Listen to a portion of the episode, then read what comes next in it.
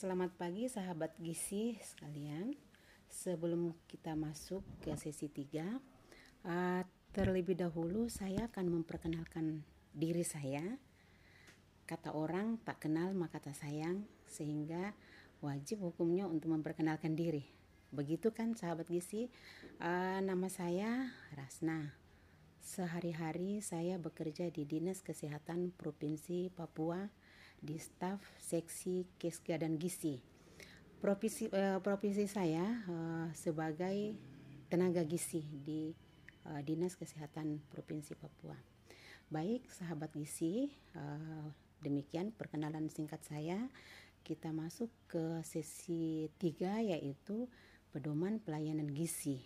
Nah, pedoman pelayanan gizi ini uh, kita mengambil pelayanan gizi pada masa tanggap darurat COVID-19. Uh, baik, sahabat gizi, kenapa pedoman ini kita uh, mengambil apa atau uh, menyampaikan? Karena dilatar belakangi oleh adanya pandemi.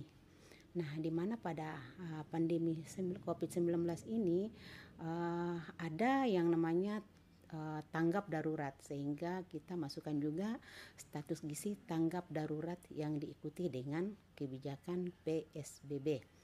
Nah, uh, kebijakan PBS PSBB ini uh, kawan-kawan sekalian atau sahabat gizi sekalian itu mempengaruhi akses dan daya beli masyarakat terhadap pemenuhan gizi di uh, sehingga uh, terjadi penurunan atau pemenuhan gizi pangan keluarga e, menjadi menurun. Nah, risikonya sahabat gizi sekalian, kenapa jika ini terjadi penurunan pemenuhan gizi pada tingkat rumah tangga akan menjadi resiko masalah gizi akut dan masalah gizi kronis eh, kronis yang meningkat.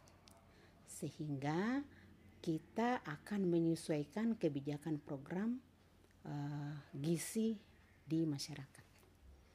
Baik sahabat gizi, uh, sekilas kita sampaikan, saya sampaikan mengenai PSBB yaitu memini, meminimalisir kunjungan pelayanan uh, kesehatan di puskesmas.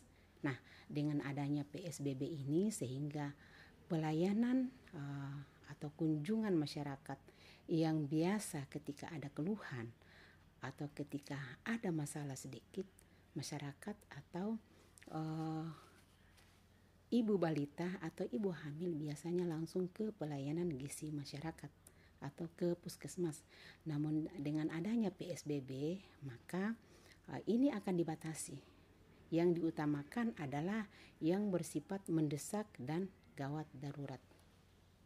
Sehingga sahabat gizi sekalian, kita akan melakukan modifikasi pelayanan yang ada di puskesmas. Di antaranya adalah kunjungan rumah bagi masyarakat berisiko. Nah, uh, masyarakat yang berisiko ini yang bagaimana sahabat gizi?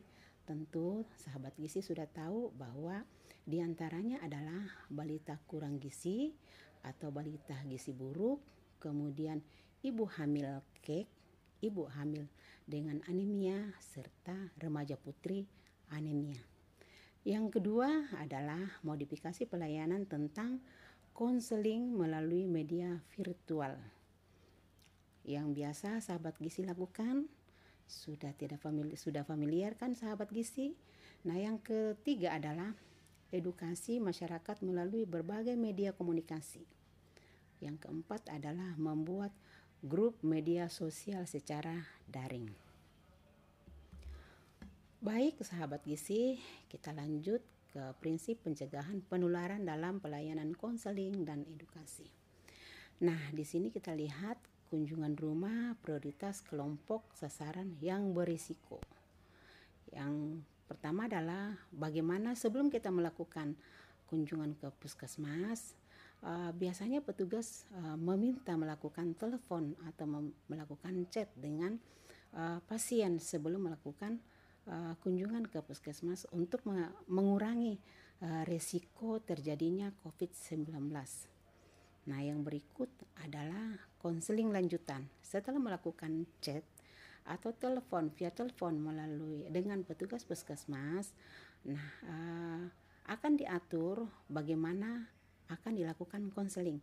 Apakah melalui telepon ataukah harus pasien atau uh, petugas puskesmas yang datang ke uh, ke layanan sesuai dengan janji yang ditentukan apakah di layanan puskesmas atau melakukan uh, kunjungan ke rumah tapi tentu tidak akan terlepas dengan protokol COVID-19.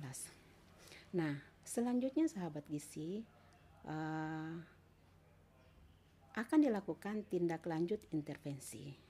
Nah, pada saat melakukan temu janji, melakukan janji atau melakukan temu dengan uh, antara petugas dengan pasien uh, akan dilakukan tindak lanjut intervensi. Nah, seperti apa tindak lanjut intervensi itu bisa melalui pemantauan pertumbuhan dengan uh, balita yang sehat. Uh, jika balita sehat bisa dilakukan edukasi dan konseling eh, dan edukasi. Kemudian sahabat gizi tentu uh, kita akan uh, lakukan tidak terlepas dengan protokol COVID-19 yaitu menerapkan prosedur pencegahan infeksi. Pada saat petugas turun ke lapangan atau pada saat melakukan pertemuan dengan masyarakat, tentu masyarakat masyarakat atau maupun petugas tentu tidak akan lepas dengan menggunakan masker. Nah, setelah sebelum dan selesai melakukan pertemuan, akan dilakukan uh, yang penting adalah cuci tangan sebelum dan sesudah pertemuan. Kemudian yang perlu kita perhatikan adalah menjaga jarak fisik antara petugas dengan masyarakat atau pasien antara pasien satu dengan pasien berikutnya. Kemudian ketika melakukan konseling di ruangan terbuka harus dilakukan dengan ruangan yang cukup ventilasi dan itu dilakukan maksimal selama 15 menit. Sahabat gizi, uh, kita masuk bagaimana dengan melindungi keluarga kita dari penularan virus corona atau COVID-19. Tidak lepas dengan makanan seimbang. Artinya, dalam meningkatkan daya tahan tubuh kita atau melindungi uh, diri kita dan diri keluarga tentu dengan uh, meningkatkan asupan gizi yaitu gizi seimbang. Nah, gizi seimbang ini adalah makanan antara makanan pokok, lauk pauk, buah-buahan dan sayuran harus seimbang. Seimbang antara makanan pokok, seberapa besar. Makanan pokok ini sahabat gizi tidak perlu harus nasi, tapi bisa didapatkan di uh, lokasi atau bisa menggunakan pahan pahan atau bahan pangan lokal yang ada di uh, daerah sahabat gizi sekalian. Begitupun dengan lauk pauk. Lauk pauk ini tidak perlu mahal, asal terpenuhi kebutuhan teman-teman atau sahabat gizi sekalian baik itu lauk pauk nabati maupun lauk pauk, pauk hewani. Serta sayuran, sayuran sahabat gizi banyak dijumpai di masyarakat. Terutama yang paling mudah dijumpai adalah sayur kelor, di mana sayur kelor ini dulu uh, sahabat gizi jarang melirik karena ini dianggap uh, sebagai uh, sayuran pelengkap saja atau bahkan ada di kalangan tertentu sayuran uh, kelor ini tidak dikonsumsi. Padahal sahabat gizi tahu bahwa sayuran kelor ini sangat banyak mengandung nutrisi atau zat-zat gizi yang dibutuhkan pada saat masa COVID-19 ini. Begitupun dengan buah-buahan, sahabat gizi banyak dijumpai di masyarakat, terutama yang banyak sekarang ini, yang banyak kita jumpai dan sangat mudah dijumpai adalah uh, pepaya dan buah semangka serta buah-buah lainnya tergantung buah yang ada di uh, daerah sahabat gizi masing-masing. Nah, sahabat gizi uh, kita lihat vitamin-vitamin uh, apa saja yang dibutuhkan pada masa COVID-19 ini. Di antaranya adalah vitamin A. Nah, vitamin A ini sangat membantu mengatur sistem kekebalan tubuh, melindungi diri terhadap infeksi, di antaranya adalah wortel, brokoli, ubi jalar, bayam, minyak ikan, dan kuning telur.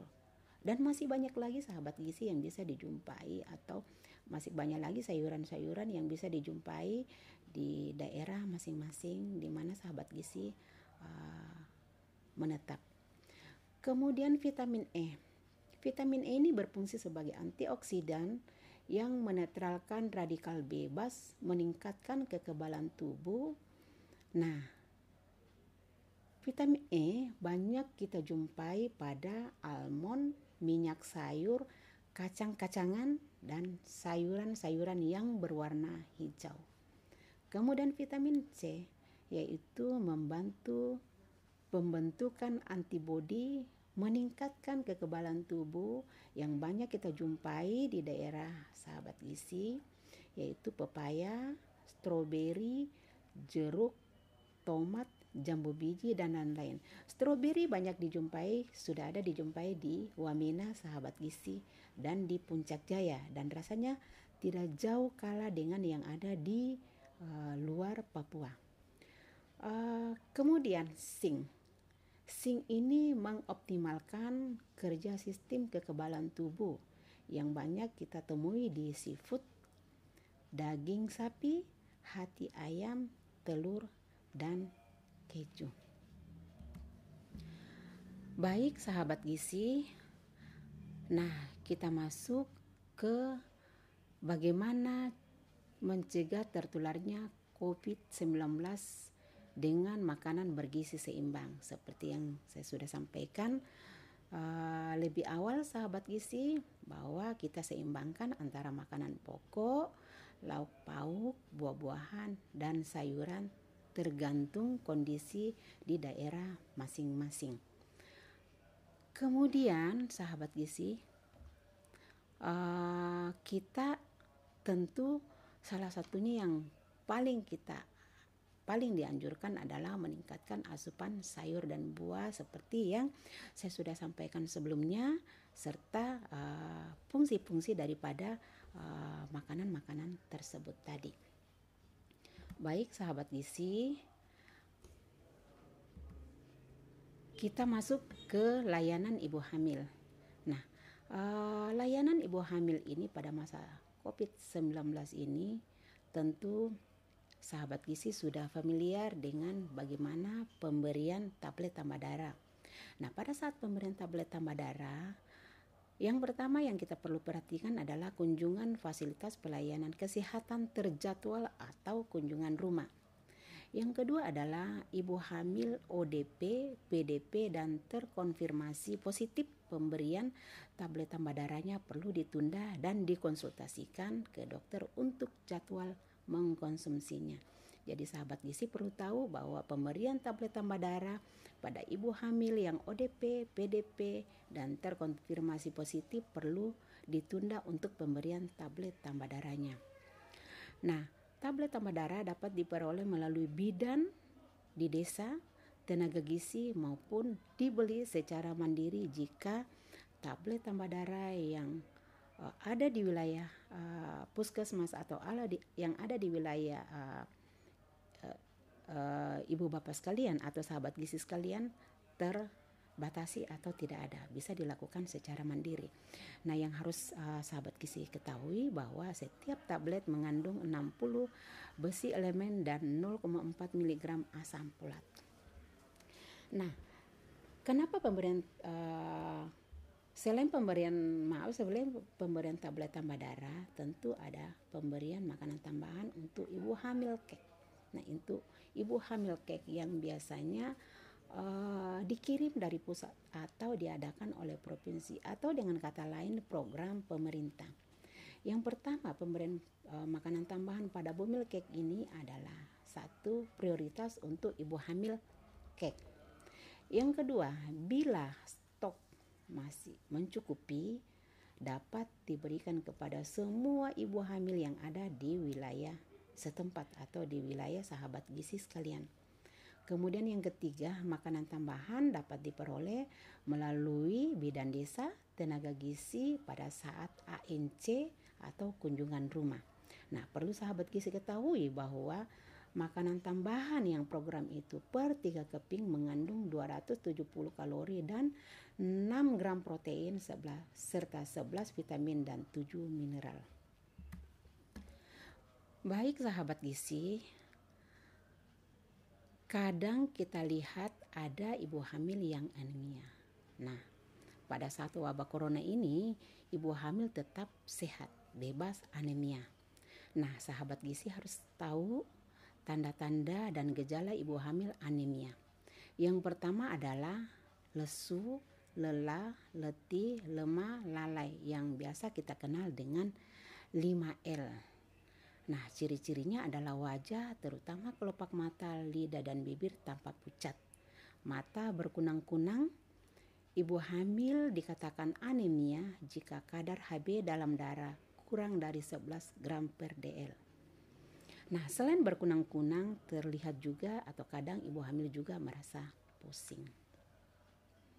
Nah, mengapa ibu hamil rentan terhadap anemia pada masa COVID-19 ini?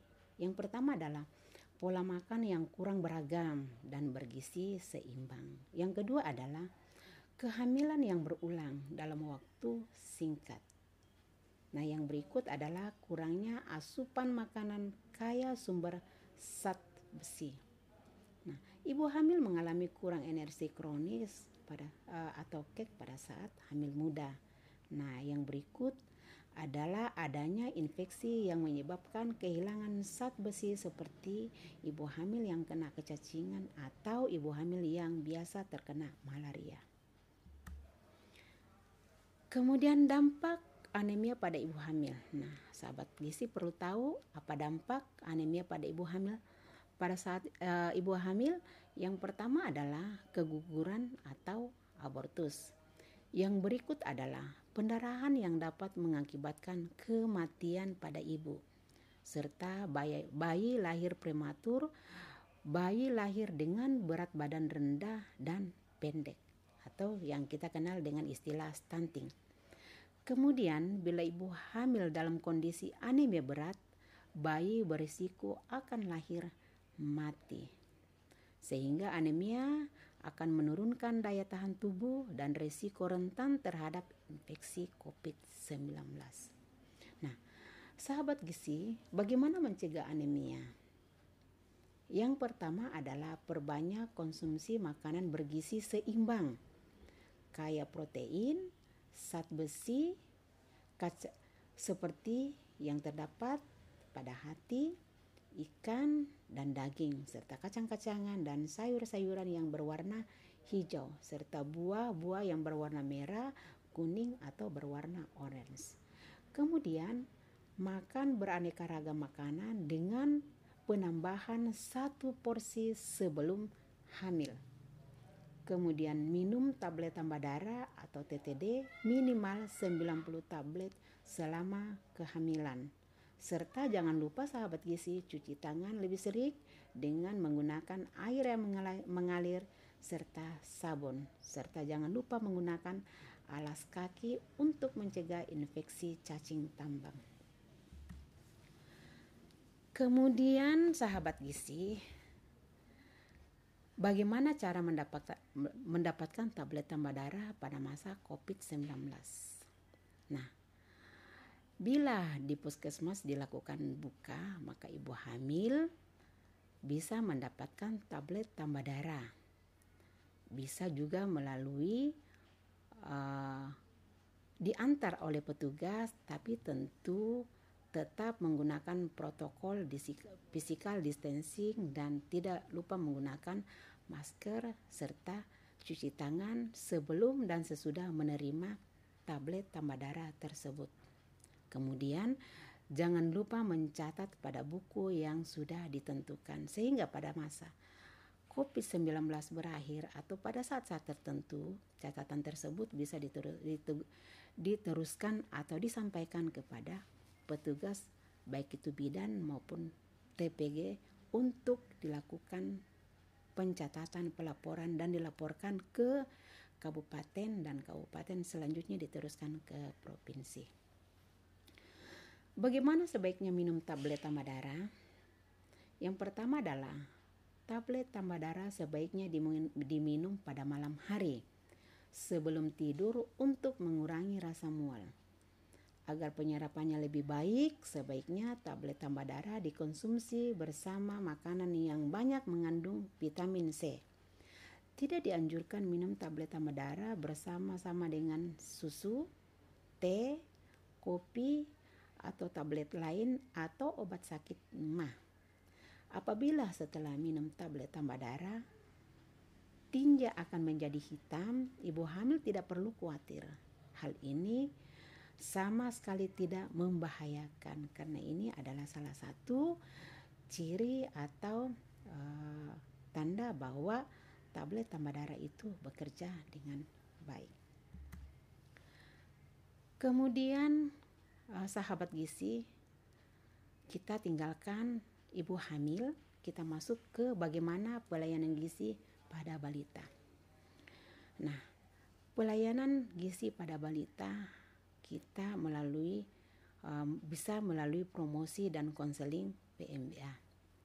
Yang pertama adalah ibu ODP atau OTG dengan dan sedang menjalani isolasi mandiri di rumah aman menyusui. Yang kedua adalah prioritas konseling ibu yang memiliki masalah menyusui dan pemberian MPASI dilakukan dengan janji temu. Kemudian yang berikut, pemberian PMT balita ada dua. Yang satu adalah prioritas diberikan kepada balita kurang, gizi kurang dan yang kedua apabila stok tersedia dapat diberikan ke semua balita. Hampir sama sahabat gizi ya dengan pemberian makanan tambahan pada ibu hamil kek. Nah, jika pada balita diprioritaskan pada balita yang kurang gizi atau gizi kurang, kemudian jika stok mencukupi untuk semua balita akan diberikan kepada semua balita. Nah, yang penting sahabat gizi ketahui bahwa per 4 keping mengandung 160 kalori dan 3,4 sampai 4,8 gram protein, 10 vitamin dan 7 mineral. Nah, selain uh, pemberian makanan tambahan, tentu sangat penting kita perhatikan adalah pemberian kapsul vitamin A yang pertama adalah tetap diberikan. Nah, kapsul vitamin A ini tetap diberikan kepada balita. Yang kedua, pastikan pemberian kapsul vitamin A warna biru untuk usia 6 sampai 11 bulan yang berdosis 1000 100.000 SI. Kemudian dosis yang kedua setelah usia 11 tahun eh, satu tahun sampai 5 tahun atau 12 bulan sampai 59 bulan adalah warna merah dengan dosis 200.000 SI. Nah, itu diberikan pada bulan Februari dan bulan Agustus.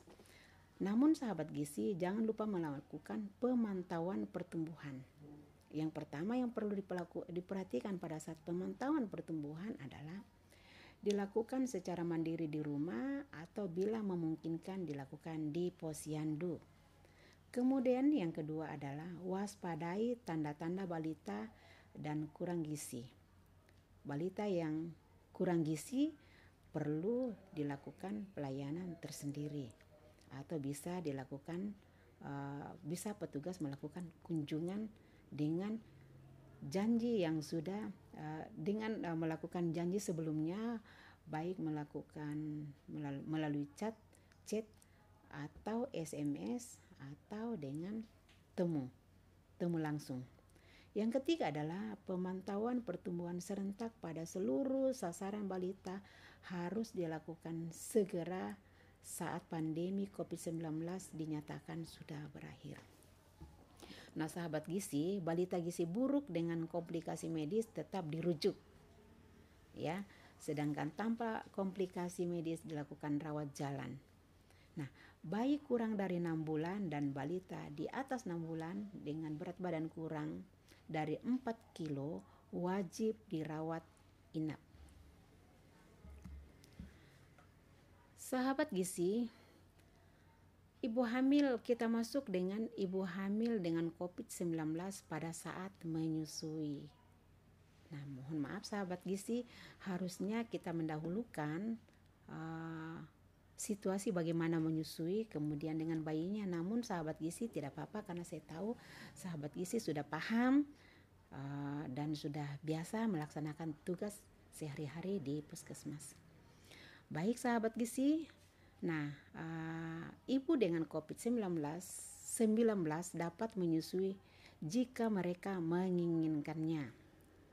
Namun, sahabat gizi perlu diketahui bahwa pemakaian masker pada saat menyusui dan merawat bayi tentu harus dilakukan.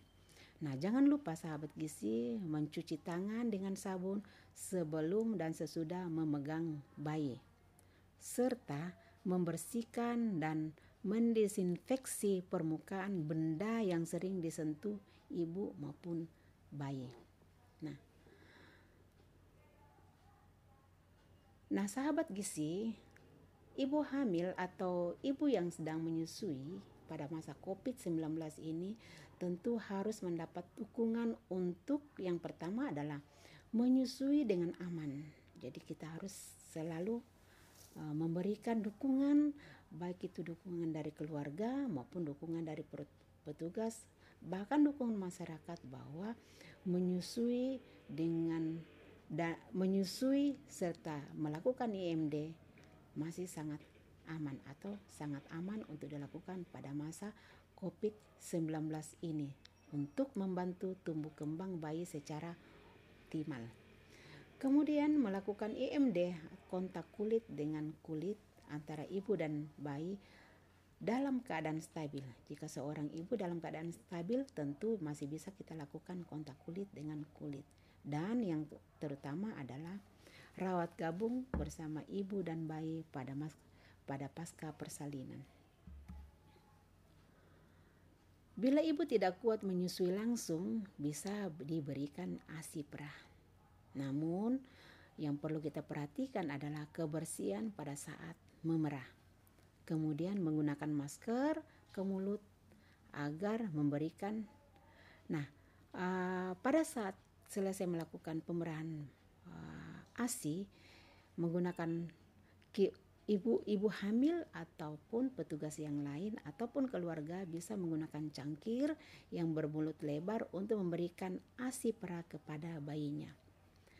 Dan yang berikut adalah menggunakan wadah dengan wadah yang tertutup untuk menyimpan ASI perah. Nah, sahabat gizi perlu ketahui bagaimana menyimpan ASI perah. Yang pertama adalah pada suhu ruangan biasanya ASI masih bisa bertahan selama 3 sampai 4 jam. Jika menggunakan cool pack atau ice pack, ASI bisa bertahan selama 20 kurang daripada 24 jam. Namun jika di lemari pendingin ASI bisa bertahan selama 3 sampai 4 hari. Namun sahabat gizi, jika disimpan pada freezer, ASI bisa bertahan selama 4 bulan.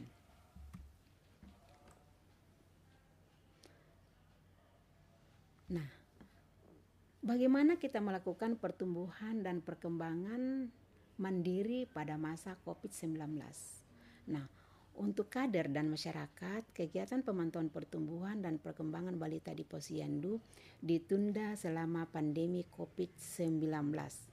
Namun yang tetap bisa dilakukan adalah memberikan ASI pada bayi, pemberian makanan pada anak sesuai dengan gizi seimbang, cuci tangan pada cuci tangan menggunakan sabun dengan air yang mengalir dan selalu ber-PHBS. Dan yang terutama adalah melakukan aktivitas fisik setiap hari di seputar rumah. Nah, jika anak Anda mengalami tanda-tanda seperti ini, seperti penurunan nafsu makan, penurunan berat badan, gangguan kesehatan lainnya seperti diare, batuk, pilek, dan demam, segera kunjungi kader atau datang ke fasilitas pelayanan kesehatan terdekat. Baik, sahabat gizi, kita masuk ke pelayanan gizi pada remaja putri. Meskipun pada kebijakan belajar dari rumah, pemberian tablet tambah darah tetap dilakukan melalui fasilitas pelayanan maupun diperoleh secara mandiri. Remaja putri yang ODP, PDP, dan terkonfirmasi positif, pemberian tablet tambah darah ditunda dan dikonsultasikan ke dokter untuk jadwal konsumsinya. Jadi tidak beda dengan ibu hamil ya sahabat kisi, remaja putri dan ibu hamil yang ODP, PDP dan terkonfirmasi positif, pemberian tablet tambah darahnya ditunda. Kemudian lakukan konseling dan edukasi melalui media daring, media cetak maupun media elektronik. Nah, sahabat gizi perlu tahu bahwa setiap tablet mengandung 60 mg besi elemental dan 0,4 mg asam folat. Nah, remaja putri bebas anemia. Apa sih bebas anemia? Atau apa sih anemia itu? yaitu anemia adalah kondisi ketika tubuh kekurangan zat darah merah sehingga tubuh tidak dapat atau tidak mendapatkan cukup oksigen sehingga wajah terlihat pucat, mudah lelah, pusing, dan sakit kepala. Mengapa remaja putri atau rematri sering mengalami anemia? Yang pertama biasanya anemia apa remaja putri setiap bulan mendapatkan menstruasi atau uh, terjadi menstru menstruasi pada remaja putri sehingga banyak mengeluarkan darah. Yang berikut adalah remaja putri pada saat itu masa pertumbuhannya sangat cepat sehingga banyak memerlukan zat besi. Nah, yang berikut adalah kadang remaja putri mengatur atau menjaga body sehingga selalu membatasi makanan-makanan yang bergizi seimbang sehingga terjadi anemia. Nah, bagaimana sih biar tidak anemia? Tentu yang pertama adalah makan makanan bergizi seimbang terutama tinggi protein kaya zat besi. Jangan lupa buah dan sayur yang kaya akan vitamin C, E, dan A. Kemudian remaja putri dianjurkan untuk selalu minum tablet tambah darah secara teratur satu tablet setiap minggu. Dan yang terutama adalah sahabat gizi jangan lupa mencuci tangan, rajin berolahraga dan perbanyak minum air putih minimal 8 gelas per hari. Nah, bagaimana caranya mengkonsumsi tablet tambah darah? Yang pertama adalah makan makanan yang bergizi seimbang sebelum minum tablet tambah darah. Kemudian minum tablet tambah darah dengan air putih. Makan jeruk atau jus jeruk yang uh, kaya dengan vitamin C uh, sangat membantu penyerapan tablet tambah darah dan sangat efektif. Namun jangan lupa atau jangan minum tablet tambah darah dengan kopi, teh, atau susu karena akan menghambat penyerapan zat besi. Kemudian bagaimana mengatasi efek samping dari minum tablet tambah darah? Sahabat gizi jangan khawatir bila terus perih atau terasa perih. Di ulu hati terasa mual, tinja berwarna kehitaman dan kondisi kondisi ini akan berkurang karena tubuh sudah menyesuaikan. Makin lama makin menurun jika sudah terbiasa minum karena kondisi tubuh sudah bisa menyesuaikan. Nah, untuk mengurangi gejalanya, tentu jangan minum tablet tambah darah dengan perut kosong. Sebelumnya harus mengkonsumsi mengkonsumsi makanan atau jika diminum di pagi hari uh, sarapan sebelum minum dan jika minum di malam hari jangan lupa makanlah makanan seimbang sebelum minum tablet tambah darah. Kemudian bagaimana mendapatkan tablet tambah darah? Tentu uh, sama dengan pada saat mendapatkan tablet tambah darah pada ibu hamil, yaitu kalian dibekali dari sekolah, maaf, tablet tambah darah uh, diber, didapatkan dari sekolah yaitu di, diberi bekal dari sekolah bisa diberikan satu tablet untuk setiap minggunya. Kemudian minggu berikutnya datang lagi bisa diberikan empat tablet selama satu bulan. Namun jangan lupa kalau sudah minum laporkan melalui aplikasi ceria. Jika aplikasi ini sudah ada di uh, tempat sahabat gizi bertugas atau tempat sahabat gizi di mana pun berada. Nah, Nah, melalui aplikasi Ceria ini bisa dicat selain aplikasi Ceria ini bisa tablet Madara dilaporkan atau diisi di buku laporan jika tidak melalui aplikasi Ceria dilaporkan secara langsung bisa dilaporkan melalui petugas gizi untuk diisi di buku rapor kesehatan sahabat gizi atau uh, put, remaja putri yang masih bersekolah. Nah, jika pandemi sudah lewat Tentu kalian bisa minum kembali tablet tambah darah atau sahabat gizi uh, minum tablet tambah darah di sekolah kembali seperti sebelum masa pandemi. Nah, jangan lupa pencatatan dan pelaporan. Pencatatan dan pelaporan pelayanan gizi pada masa pandemi COVID-19 tentu dilakukan dengan dilakukan seperti sebelumnya Buku, KI, buku KIA sebagai alat edukasi dapat digunakan untuk memantau pertumbuhan dan perkembangan yang dilakukan secara mandiri di rumah.